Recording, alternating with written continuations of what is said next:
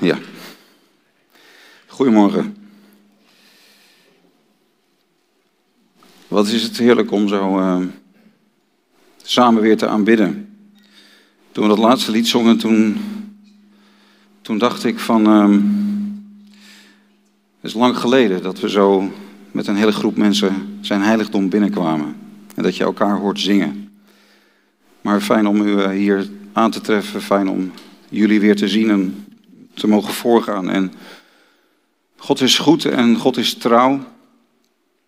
In de liederen is dat ook zo mooi naar voren gekomen. Hij is trouw aan zijn woord. Hij doet wat hij heeft beloofd.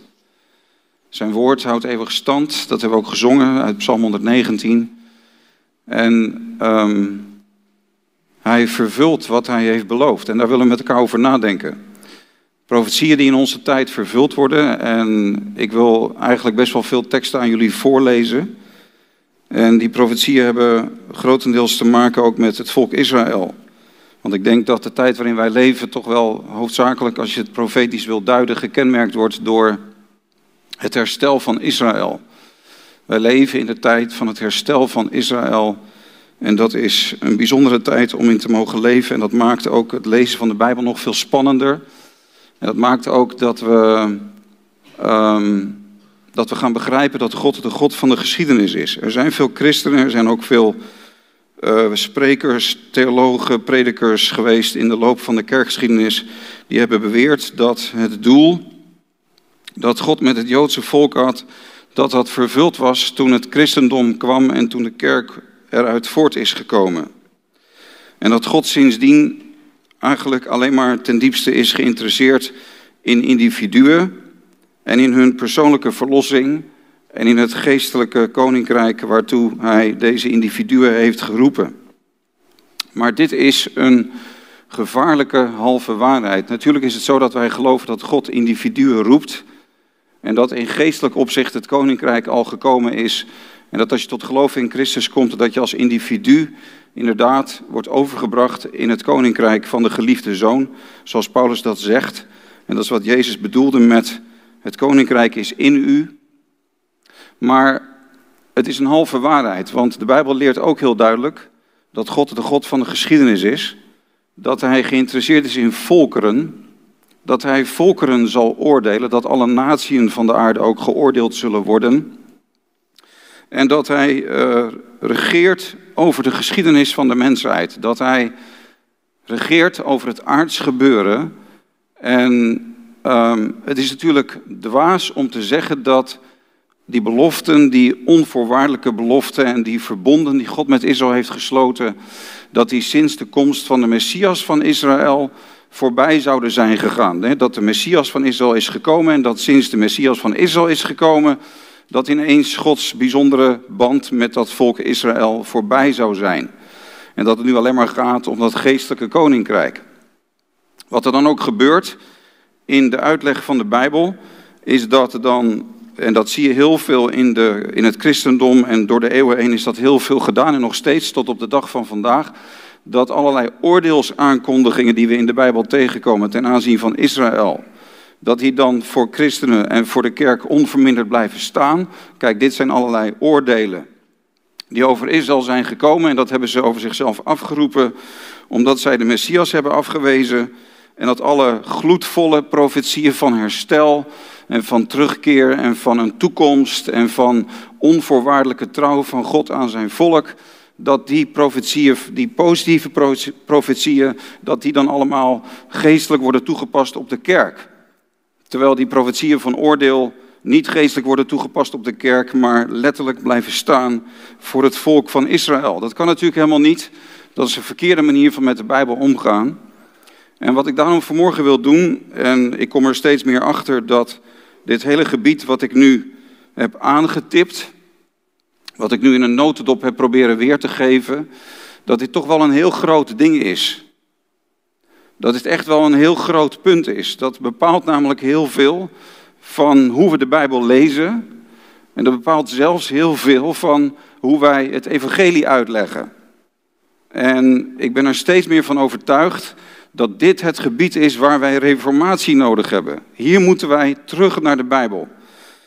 En daarom wil ik u vanmorgen een aantal profetieën voorlezen, waarvan ik geloof dat we kunnen zien en kunnen zeggen dat de Heere God die in onze tijd ehm, letterlijk vervult ten aanzien van Israël. En luistert u maar gewoon naar deze profetie en dan zal ik er ook wat dingen over zeggen. En ze zullen niet geprojecteerd worden, dus ehm, ik wil u vragen om gewoon goed op te letten en goed te luisteren naar deze Bijbelteksten.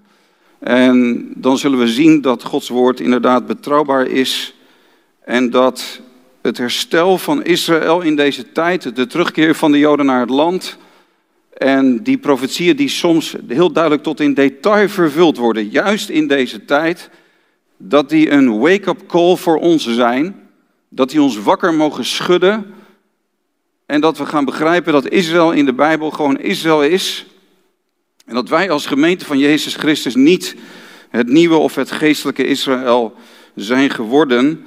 En als we daar dan van overtuigd zijn geraakt, dan komt er een heel ander een heel proces op gang in ons leven. Dan gaan we vanuit een heel ander paradigma, gaan we ook een manier van denken, gaan we de Bijbel ook lezen. De eerste profetie is deze. Jezaja 43, vers 5 tot 6. Daar staat, wees niet bevreesd, want ik ben met u. Van waar de zon op komt, zal ik uw nageslacht halen. Van waar zij ondergaat, zal ik u bijeenbrengen. Ik zal zeggen tegen het noorden, geef, en tegen het zuiden weerhoud niet. Breng mijn zonen van ver en mijn dochters van de einde der aarde. Nou, hier wordt gesproken over de terugkeer van de zonen en de dochters van God. En dat is natuurlijk, dat zijn de kinderen van Israël. Want er waren nog helemaal geen christenen in deze tijd. Dit gaat natuurlijk letterlijk over de verstrooide kinderen van Israël, die, die zijn verstrooid geraakt over de hele aarde. En sommigen zeggen dan, ja, die terugkeer waar Jezaja over spreekt, dat gaat natuurlijk over de terugkeer uit Babylon. Maar dan moeten we de vraag stellen van, hoe kan het dan dat Jezaja hier spreekt over uh, van waar de zon opkomt, het oosten, tot waar zij ondergaat, het westen, dat de Heer tegen het noorden zegt en tegen het zuiden zegt. De terugkeer uit Babylon was alleen maar uit het oosten, je zou misschien kunnen zeggen uit het noordoosten. Ten noordoosten van Israël lag Babylon. En daar is een terugkeer geweest uit Babylon na de ballingschap. Maar we zien een veel grotere vervulling in onze dagen, in onze generatie. Het is in deze tijd dat de Heere God het Joodse volk terugbrengt naar het beloofde land. Vanuit het oosten, vanuit het westen, vanuit het noorden en vanuit het zuiden. Ze zijn letterlijk teruggebracht van de einde der aarde. Ze zijn naar Israël teruggekeerd uit Manchurije en China, uit Australië en Nieuw-Zeeland, uit Rusland en Siberië. Ze zijn gekomen uit Scandinavië, uit Engeland en uit alle landen van Europa, uit Noord-Afrika en uit Zuid-Afrika, uit Noord-Amerika, uit Zuid-Amerika, uit India, uit Zuidoost-Azië, uit Perzië en uit Irak. Uit allerlei Arabische landen, uit meer dan 100 landen, zijn Joden in de recente geschiedenis teruggekeerd naar het beloofde land. Eerste profetie. Deze profetie uit Jezaja wordt veel duidelijker, wordt heel duidelijk in onze tijd vervuld. En het is wonderlijk om dat te zien. Een andere tekst die hierbij aansluit is Jeremia 23, vers 8, vind ik ook wonderlijk. Daar wordt ook gesproken over terugkeer uit al die landen. Hè? Dus niet alleen uit één land, niet alleen uit Babylon, maar uit al die landen. Dat is dus precies wat er in onze tijd gebeurt. Die het nageslacht van het huis van Israël geleid heeft, Jeremia 23, vers 8. En die het gebracht heeft uit het land in het noorden en uit al de landen waarin ik hen verdreven had. En ze zullen wonen in hun eigen land. En het wonderlijke is dat er niet alleen over al die landen wordt gesproken, maar dat er ook specifiek wordt gesproken over het land in het noorden. Nou, ook Babylon ligt niet, ligt niet echt in het noorden, ten noorden van Israël, maar wat ik al zei, meer naar het oosten dan naar het noorden. En het wonderlijke is dat in de recente geschiedenis, wat wel helemaal precies ten noorden van Israël ligt, is natuurlijk Rusland. En uit de voormalige Sovjet-Unie tot 1989 ehm, konden geen Joden, bijna geen Joden, uh, wegvluchten uit, van achter het ijzeren gordijn. Ze werden geweigerd, ze werden refuseniks genoemd. En een enkele keer lukte het een Jood om wel weg te vluchten en naar Palestina te gaan, of sorry, naar Israël te gaan. En, um, maar sinds 1989, sinds de val van de muur, zijn er maar liefst in zeer korte tijd meer dan een miljoen Joden zomaar, heel snel, naar Israël geëmigreerd. En dan staat er in deze tekst, uit al die landen en uit het land van het noorden.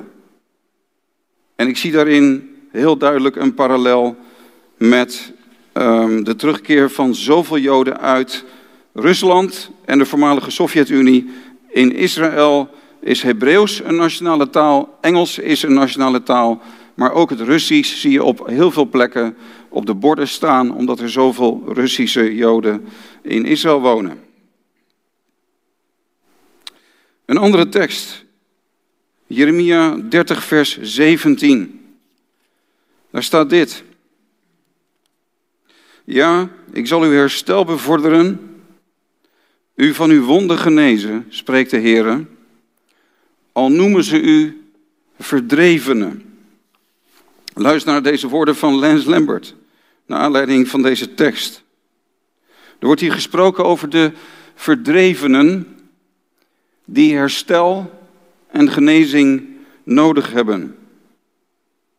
Aan het einde van de oorlog in 1945 waren er iets meer dan 2 miljoen Joden die of de natiekampen hadden overleefd of waren ontsnapt aan de nazi-terreur.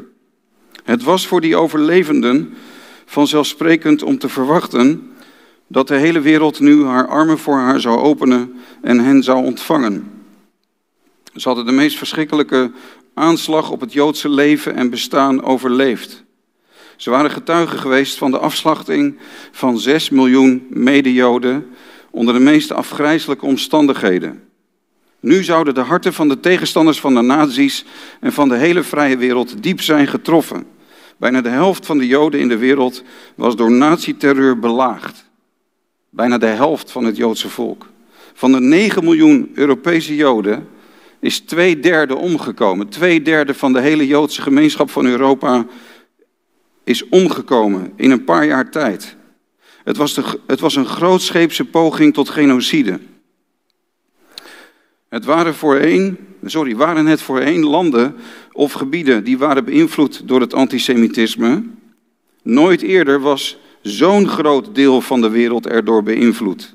Van de Atlantische Oceaan tot de Oeral, van de Noordpool tot de Middellandse Zee, voorzag dit in koele bloeden uitgedachte plan in de systematische liquidatie van tienduizenden Joden per dag, totdat Europa zou zijn gezuiverd van alle Joden. Het werd cynisch genoemd de afdoende oplossing van het Joodse probleem. Zelfs in het opruimen van de stoffelijke resten was voorzien. Menselijk haar werd gebruikt voor stofferen, menselijk vet voor zeepfabrikage, menselijke as, menselijke as voor bodembemesting.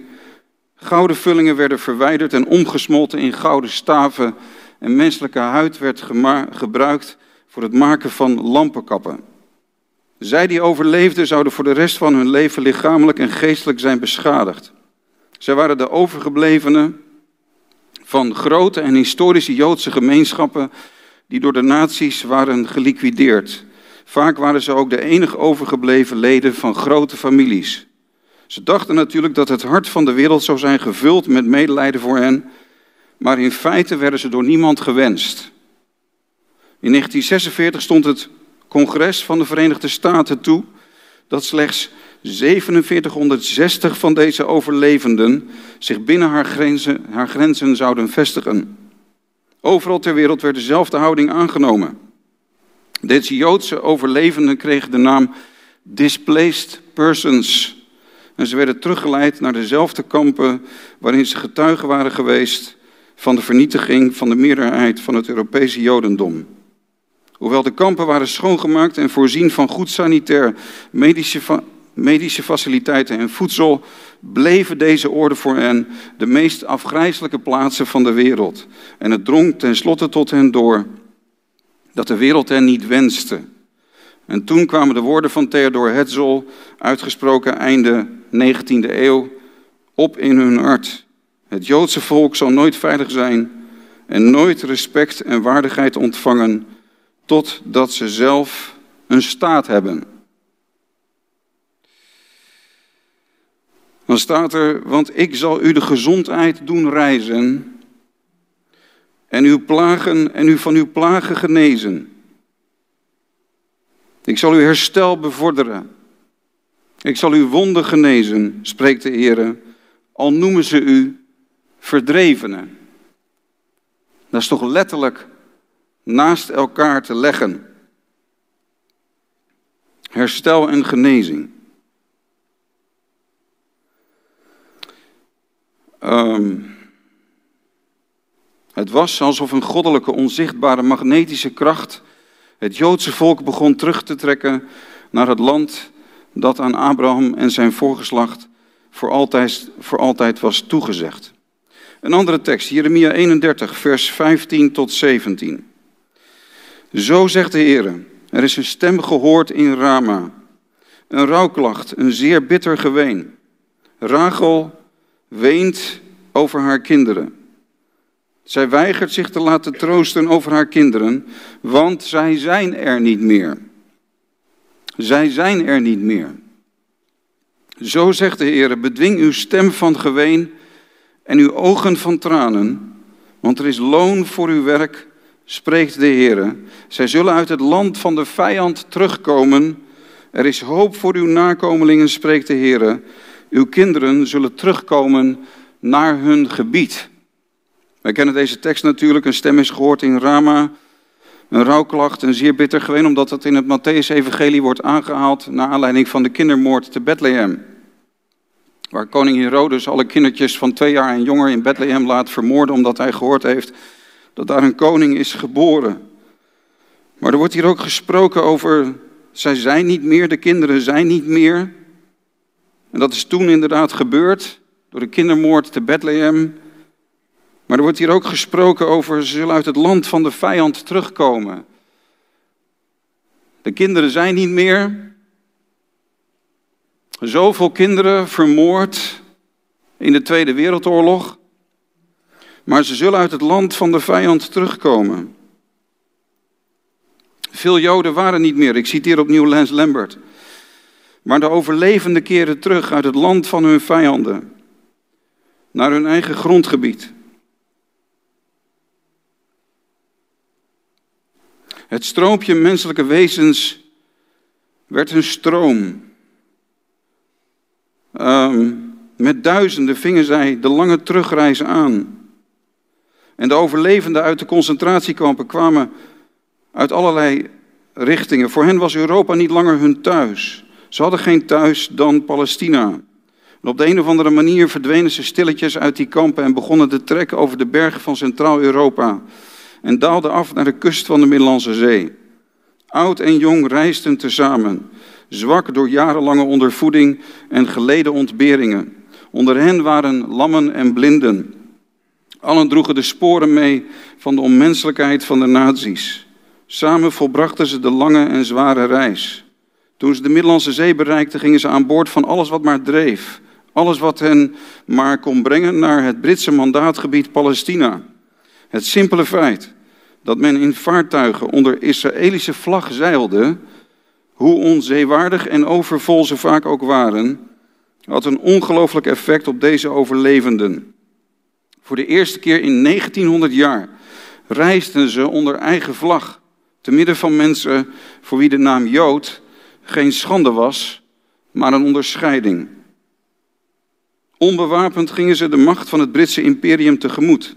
Het Britse bestuur had geen belangstelling. Instructies werden gegeven dat niemand van de illegale immigranten mocht worden toegelaten. Duizenden werden geïnterneerd op Cyprus of keerden terug naar Europa. Een handvol kreeg toestemming om zich in Palestina te vestigen. Maar de stroom van deze wanhopige, vastbesloten, thuisloze Joodse overlevenden werd echter zo sterk En de Britse autoriteiten, sorry, de Britse autoritaire maatregelen riepen zo'n negatieve wereldopinie op dat de Britse regering in 1947 tenslotte het mandaat teruggaf aan de Verenigde Naties. Het was een strijd die de regering nooit had kunnen winnen, omdat ze zonder het te weten Gods hand weerstonden. Het Britse imperium en het woord van God waren in botsing met elkaar gekomen. En zoals altijd in de geschiedenis van de mens, zegevierde Gods woord en zijn plan. Het is opmerkelijk dat welke andere politieke of economische factoren hierbij ook een rol hebben gespeeld, vanaf die tijd de neergang van het Britse Rijk begon. De eeuwenoude belofte aan Abraham staat voor zijn nageslacht nog steeds overeind. Ik zal zegenen die u zegenen en wie u vervloekt zal ik vervloeken. En God bevestigde deze plechtige belofte met de woorden van Jezaja. Het volk en het koninkrijk, welke u niet zullen dienen, die zullen vergaan. En die volken zullen verwoest worden. Geween gehoord in Rama. Zeer bitter geween. Rachel weent over haar kinderen. Maar de Heere zegt, bedwing de stem van uw geween en uw ogen van, van tranen. Er is loon voor, voor uw werk. Ze zullen uit het land van de vijand terugkomen. Opnieuw zo'n profetie die je letterlijk kan leggen naast wat er in de recente geschiedenis is gebeurd. Um, Jeremia 31, vers 7 en 9. Want zo zegt de Heer: Zing vrolijk over Jacob met blijdschap. Juich om het hoofd van de heidevolken. Israël, het hoofd van de volkeren. Laat het horen, prijs hem en zeg: Verlos uw volk, heren, het overblijfsel van Israël. Ik doe hen komen uit het land van het noorden. Ik zal hen bijeenbrengen uit, van de uithoeken van de aarde. En onder hen zijn blinden en verlamden, zwangeren en barenden met elkaar. Met een grote menigte zullen ze hierheen terugkomen. Onder geween zullen zij komen, onder smeekbeden zal ik hen leiden. Ik zal hen doen gaan naar waterbeken, op een rechte weg waarop zij niet zullen struikelen. Want ik ben Israël tot hun vader, en Ephraim, mijn eerstgeborene, is hij. Ieder die de getuige is geweest van de terugkeer van de overlevenden naar het beloofde land, herkent de nauwkeurigheid van Jeremia's woorden. Velen van de grote menigte die terugkeerden kwamen op brancards. Velen hadden hun blindheid of verlamming te wijten aan ondervoeding en de vrede ziektebehandelingen in de nazi-concentratiekampen. Niet zelden waren verlamming en blindheid het gevolg van experimentele operaties die zonder verdoving waren uitgevoerd. Onder dit grote gezelschap dat terugkeerde waren ook zwangeren en vrouwen die tijdens de uiterst zware reis kinderen ter wereld brachten. Alle kinderen keerden inderdaad met geween terug. Ze keerden met geween terug. Bovendien waren het niet alleen overlevenden uit de kampen die zo terugkwamen, dat God ook voor de grote toevloed van Joodse vluchtelingen uit Arabische landen tussen 1947 en 1951. Er zijn 700.000, 800.000 Joden in die korte tijd, in die vier, vijf jaar tijd, zijn die allemaal, nadat Israël een staat is geworden, zijn er zoveel Joodse mensen moeten wegvluchten uit de Arabische landen. En ook daarnaast kan je deze gelijkenis plaatsen. Hele gemeenschappen keerden terug, inclusief de oude, gebrekkige, zieken en zwakkeren. Jeremia's woorden beschrijven letterlijk hoe zij naar het beloofde land terugkeerden. Zelfs de Wereldzionistenorganisatie erkent dat het zeker niet geheel aan hun invloed te danken is. Dus het is niet te danken aan het Zionisme, aan een politieke beweging die op gang kwam, dat zoveel in die tijd terugkeerden. Het ging om oneindig veel meer dan politieke opwinding. De hand van God was in dit alles te zien. Een andere profetie zegt, Micha 4, vers 6 en 7. Op die dag spreekt de Heer, zal ik verzamelen wie mank gaat, bijeenbrengen wie verdreven is en wie ik kwaad heb aangedaan. Ik zal wie mank gaat stellen tot een overblijfsel. En wie, verdreven was tot een machtig volk. En de Heere zal over hen koning zijn op de berg Sion. Van nu aan tot in eeuwigheid. En hier wordt gesproken over dat, dat volk van verdrevenen. Dat volk van manken en blinden en gehavenden en thuislozen. En mensen die van alles beroofd waren wat ze hadden. Dit zeer kleine, gehate, kwetsbare volkje. Dat hij hen zal terugbrengen en dat hij hen zal maken tot een machtig volk. Het is opmerkelijk dat deze menigte, die uit verschillende landen en culturen kwam, kon worden omgesmeed tot een sterke natie. Ze komen uit zoveel verschillende landen en vele van hen dragen lichamelijk en geestelijk en psychisch de littekens van alle verzoekingen van die ballingschap. Maar de Heer heeft inderdaad, hoe staat het er, wie mank gaat en wie overgebleven was en wie verdreven was, gemaakt tot een machtig volk. Het is ongelooflijk hoe sterk Israël is geworden. Het hele ontstaan van Israël, maar de groei van Israël, de, hoe, die, hoe die natie, hoe dit volk in dat land van hun voorvaderen, waar de Bijbel de hele tijd over spreekt, in de afgelopen decennia, de afgelopen 70 jaar, sinds haar ontstaan, 75 jaar bijna, is geworden tot een sterke natie. En in Micha 4 wordt daar letterlijk zo over gesproken. Nou, een andere concrete profetie vinden we in, en dit vind ik echt ook wonderlijk, ik ga nog een paar hele eenvoudige, concrete dingen noemen. Ik hoop dat u mij kunt volgen. Ik lees veel voor deze morgen. Maar ik vind het ontzagwekkend. Het doet ons respect voor de Heere God groeien. We gaan de Bijbel ook anders lezen. Ik geef u. Ik hoop dat u mijn manier van Bijbel lezen en mijn uitleg van deze teksten kunt volgen.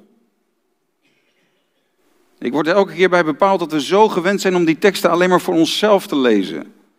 Alleen maar te zoeken naar de diepere geestelijke betekenis voor onszelf. Natuurlijk zijn deze teksten ook voor ons opgeschreven. Alle schrift is door God gegeven en is nuttig ook om ons op te bouwen en ons te bemoedigen en ons, ons te leren. De hele Bijbel is ook voor ons. Maar niet, de, Bijbel, de hele Bijbel gaat niet over ons in die zin dat de betekenis van de teksten niet gaat. Het gaat niet over ons hier in deze tekst. Het gaat hier over Israël. En zo moeten we die teksten leren lezen. Trouwens, niet alleen teksten uit de wet en de profeten, maar ook teksten uit het Nieuwe Testament. dan staat er in Jezaja 61, vers 4. Ze zullen de verwoeste plaatsen van wel eer herbouwen. En de verwoeste plaatsen van vroeger weer oprichten en verwoeste steden vernieuwen, die verwoest lagen van generatie op generatie. Nou, dan zou je zeggen, dat kan je toch ook eh, zeggen dat dat gebeurd is na Babylon, na de Babylonische ballingschap. En ik denk zeker dat sommige plaatsen die door de Babyloniërs zijn verwoest, dat die na de Babylonische ballingschap weer zijn opgebouwd. Maar dan staat er steden en plaatsen die verwoest lagen van generatie op generatie. Daar wordt hier over gesproken. En als je het hebt over de ballingschap, dan is dat 70 jaar geweest. In feite maar 50 jaar. Want tussen 586 en 535 was de ballingschap voor Christus. En je kunt op twee manieren die 70 jaar berekenen. Of de eerste deportatie tot de eerste terugkeer van de verwoesting van Jeruzalem tot de herbouw van de tempel is allebei 70 jaar. Maar in feite was het maar 50 jaar dat het volk er niet heeft gewoond. Grotendeels niet heeft gewoond. Maar hier wordt gesproken over verwoeste steden van generatie op generatie. Dat slaat veel meer op de ballingschap sinds 70 na Christus. Dat gaat veel meer over de minstens 47 generaties durende tijd dat de steden van Israël in puin hebben gelegen. En nou is het wonderlijke dat inderdaad in de recente tijd veel plaatsen in Israël die zo lang verwoest zijn geweest, weer herbouwd zijn en herbouwd worden. Bet-Shemesh, Rehovot, Lot, Beersheba, Arad, Bet-Shan, Tiberias, Ashkelon, Asdod, Gat, Lakish en Gedi. En zo kun je doorgaan. Allemaal plaatsen uit Bijbelse tijden waar we in de Bijbel over lezen. Die generaties lang, eeuwenlang niet anders waren dan een ruïne. dan een, eh, een plek waar niks meer te vinden was en geen mensen meer woonden. En die in de recente geschiedenis zijn herbouwd. Dat kun je niet zeggen van plaatsen die we in de Bijbel tegenkomen, bijvoorbeeld van de Assyriërs of de Babyloniërs of Egypte. Memphis, Ram, Ramses en Thebe in Egypte zijn niet herbouwd. Dat zijn Bijbelse plaatsen in Egypte die gewoon niet herbouwd zijn. En ook als we denken aan Nineveh of Babylon, die steden zijn niet herbouwd. Maar van Israël wordt geschreven dat oude steden wel herbouwd zullen worden. En het is letterlijk gebeurd en aan het gebeuren in deze tijd. Jezaja 58, vers 12 staat.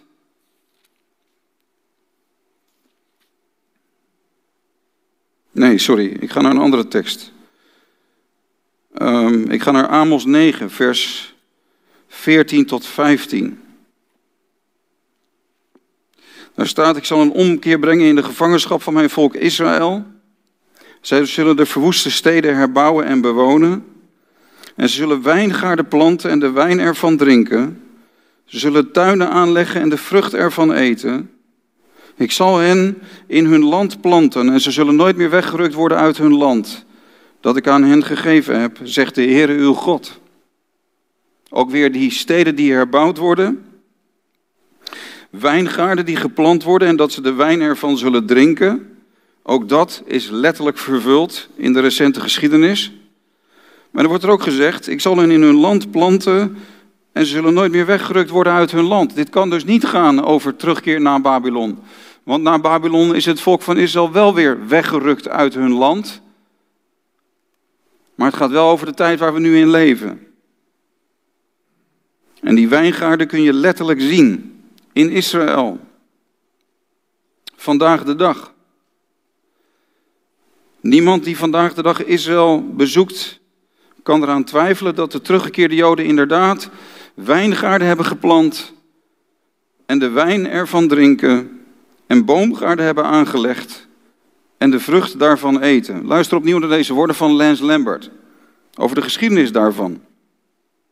Degenen die onsympathiek staan tegenover Israël hebben dikwijls beweerd dat de eerste Zionistische pioniers rondom de eeuwwisseling, dus uh, rondom 1900, eenvoudige Arabieren, eenvoudige Arabieren vruchtbaar en waardevol land aftroggelden. Deze bewering stemt niet overeen met de feiten. Misschien zijn er twee of drie van zulke gevallen geweest, maar dat waren uitzonderingen. Het ging vaak om moerasgronden waar men snel malaria kreeg, of om woest land of verlaten gronden, die door erosie al lang geleden alle vruchtbaarheid hadden verloren. Deze stukken land werden tegen hoge prijzen aan de pioniers verkocht. Ze werden vaak verkocht door landeigenaren die bijvoorbeeld in Beirut of in Damascus of in Bagdad of in Cairo woonden. Velen moesten erom lachen dat iemand zo dom was om hun land te kopen. Ze waren ervan overtuigd dat ze, als ze zich daar eenmaal gevestigd hadden, zouden sterven als vliegen, zodat het tenslotte weer in Arabische handen zou komen. En die eerste Joodse kolonisten die stierven inderdaad als vliegen. Ze stierven aan malaria, zwarte koorts, gele koorts en dysenterie. Maar als zij stierven, namen anderen hun plaatsen in. Eliezer ben Jehuda schreef in zijn dagboek hoe hij bij de laatste kolonisten van de kleine nederzetting Hadera zat, toen ze lagen te sterven aan de gele koorts. En hij schreef dat ze ook op dat moment, terwijl ze aan het sterven waren, geconcentreerd bleven op de voortgang van het werk. Wie zou hun pionierswerk voortzetten? Maar uiteindelijk kwamen er anderen die het overnamen. En nu is Hadera een moderne, bedrijvige stad. Die vroegere Zionistische pioniers hielden vol. Geleidelijk aan werden de moerasgronden gedraineerd en de woestijn begon te bloeien als een roos. Ze hielden vol, al kostte het hun leven, totdat boomgaarden, wijngaarden en bouwland vorm kregen in het moderne Israël. Dan staat er ook in een tekst die we al eerder hebben gelezen. Die tekst die gaat over de, um, over de verdrevenen. Dan staat er ook, het is Sion, Jeremia 30, vers 17. Niemand vraagt naar haar. Niemand vraagt naar Sion. Het is opmerkelijk dat de meeste bezoekers die Palestina bezochten in de dagen van het Turkse imperium in de 19e en de 20e eeuw, allemaal van oordeel waren dat Palestina een woestenij zonder water was. In hun verslagen dagboeken en andere geschriften waren ze, wezen ze op de troosteloze, verwaarloosde toestand van het land. De sfeer van vergane glorie en verval. De eentonigheid van de stagnatie, verstoken van leven en beweging. Zelfs Theodor Herzl, de man die een boek heeft geschreven wat het fundament is geworden voor, de, voor, het, op, voor de, het moderne Zionisme. Hij beschouwde het beloofde land als een onherbergzame, woeste, waterloze woestenij. Ook Abraham Kuyper is eind 19e eeuw in Palestina geweest en heeft soortgelijke beschrijvingen van het land gegeven. Robert Murray McChaney was een Engelse opwekkingsprediker die in diezelfde tijd Palestina bezocht, 1890, 18 in die tijd. En hij heeft daar tekeningen van gemaakt en Jeruzalem was een verlaten stad, er woonden maar heel weinig mensen. En het puin lag tot aan de hoogte van de muur van de tegenwoordige oude stad opgestapeld. En het vuil, hij zegt het is een troosteloze bedoeling hier, ik zou hier niet graag willen wonen. Niemand bekommert zich om Zion, staat er dan in de Bijbel. Maar iedereen die tegenwoordig Israël bezoekt, vindt het moeilijk om het land uit dergelijke beschrijvingen te herkennen. Van elk gunstig gelegen punt in Galilea zie je bouwland, boomgaarden en bossen. En hetzelfde geldt voor de Sharonvallei. En ook in het zuiden, de Negev. En zelfs bij de Dode Zee zie je allerlei plantages en boomgaarden. En de groene velden steken af tegen de woestijn. En nog een ander punt. Ik noem nog twee dingen en dan hou ik op. En dan sluiten we af met een tekst die ons doet aanbidden. Het ene laatste punt is dit, dat de Bijbel ook zegt, opnieuw Jezaja 61, vers 5, wat gaat dan over hè, dat die steden weer gebouwd zullen worden en wijngaarden aangelegd zullen worden. Vreemden zullen klaarstaan en uw kudde weiden. Vreemdelingen zullen uw akkerbouwers en uw wijnbouwers zijn. Bij de terugkeer uit Babel hebben we geen enkel bericht van buitenlanders of vreemdelingen die met de, de Joodse rest terugkeerden om te helpen met de wederopbouw. Dus na Babylon is deze tekst niet vervuld. Maar het is opmerkelijk dat sinds 1948 hier wordt gesproken over vreemdelingen die klaar zullen staan om uw akkerbouwers en uw wijnbouwers te zijn en uw kudden te wijden. Sinds 1948 zijn grote aantallen jonge mensen uit de volkeren Israël komen assisteren bij de opbouw en het herstel. Dit is een heel nieuw fenomeen in Israëls geschiedenis. Nooit eerder in de geschiedenis van Israël hebben zoveel niet-Joodse mensen verlangd om hen te steunen en hulp te bieden. Bovendien had deze hulp voornamelijk te maken met de agrarische kant van het leven in Israël. Deze vreemdelingen werden herders, wijngaardeniers en akkerbouwers. De profetie werd letterlijk vervuld. De allerlaatste tekst die ik wil noemen komt uit Zefania. Zefania 2, vers 4 tot 7. Het gaat over de Filistijnse steden. Misschien omwille van de tijd moet ik niet de hele tekst voorlezen, maar er staat. Eh, bijvoorbeeld over Ashkelon staat geschreven dat het tot een woestenij zal zijn. Maar dan staat er daarna. dat geen, er zal geen inwoner van de Filistijnen meer zijn. De Filistijnse steden. De Filistijnen kwamen uit Griekenland, Kreta en Cyprus en de eilanden in de Egeïsche Zee. De Filistijnen kwamen van het westen. De Filistijnen zijn niet de voorvaderen van de huidige Palestijnen. Dat zijn Arabieren die uit het oosten komen. Als we het hebben over de Arabische Palestijnen. Maar de Filistijnse steden werden bewoond door mensen uit het westen. En er staat hier dat de Heer die westelijke Filistijnen allemaal zal verdrijven. Die zullen daar niet meer wonen. Dat is ook gebeurd. De Filistijnen bestaan helemaal niet meer. Die zijn gewoon weg. Er zijn geen Filistijnen meer. Maar dan staat er, het gebied zal zijn voor het overblijfsel van het huis van Juda, zodat zij daarin zullen weiden. S'avonds zullen zij in de huizen van Ashkelon neerliggen, want de Heere hun God zal naar hen omzien en een omkeer in hun gevangenschap brengen. Nou weet u, ik ben ook in Ashkelon geweest tijdens een van mijn reizen naar Israël. En toen dacht ik, dit was inderdaad toch een Filistijnse stad. Hoe kan het dan dat dit nu een Joodse stad is? Maar wat is er gebeurd met Ashkelon? In 1949 begonnen enkele Joodse immigranten zich te vestigen in het gebied van Ashkelon. Dit ging door totdat in 1955 Ashkelon als stad werd erkend. Dus er woonde bijna niemand meer, maar Joodse immigranten zijn er gaan wonen. Uh, deze tuinstad was geplant door Zuid-Afrikaanse Joden, die in 1952 een fonds stichten voor dit doel. In 1975 had de stad een bevolking al van 50.000 inwoners en sindsdien is dit aantal nog veel verder gegroeid. Vandaag is Ashkelon een zeer plezierige en moderne Joodse kustplaats. En op het stadsplein zijn de woorden van Jesaja 2 vers 7 in het Hebreeuws ingegrift. Dit gebied zal zijn voor het overblijfsel van het huis van Juda, zodat zij daarin zullen weiden. S'avonds zullen ze in de huizen van Askelon neerliggen, want de Heere hun God zal, hen, zal naar hen omzien en een omkeer in hun gevangenschap brengen. Letterlijk. Een Filistijnse stad, het geldt ook voor Asdod, het geldt ook voor Gat. Het staat gewoon in de Bijbel. En het is alleen maar sinds 1950 deze profetie dan vervuld. De laatste tekst. Jesaja 46, vers 9 tot 11. Luister en huiver.